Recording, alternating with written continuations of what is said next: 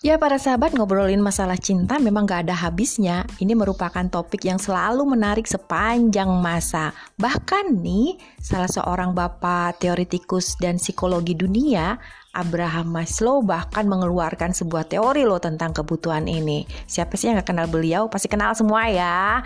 Ya teori dari Bapak Maslow ini mengatakan bahwa manusia itu memiliki kebutuhan yang berjenjang untuk mencapai kebutuhan tertingginya yaitu self-actualization Sebelum mencapai ke sana, manusia harus wajib memenuhi kebutuhan-kebutuhan mendasar.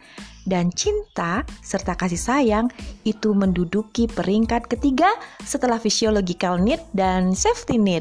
Berarti nih, cinta memang sesuatu yang harus dipenuhi seperti halnya makan dan minum. So jadi nih para sahabat yang sedang jatuh cinta, yang sedang merasakan cinta, yang sedang cinta kepada negara, republik ini dan seluruh umat manusia bersyukurlah karena rasa cinta adalah anugerah terindah.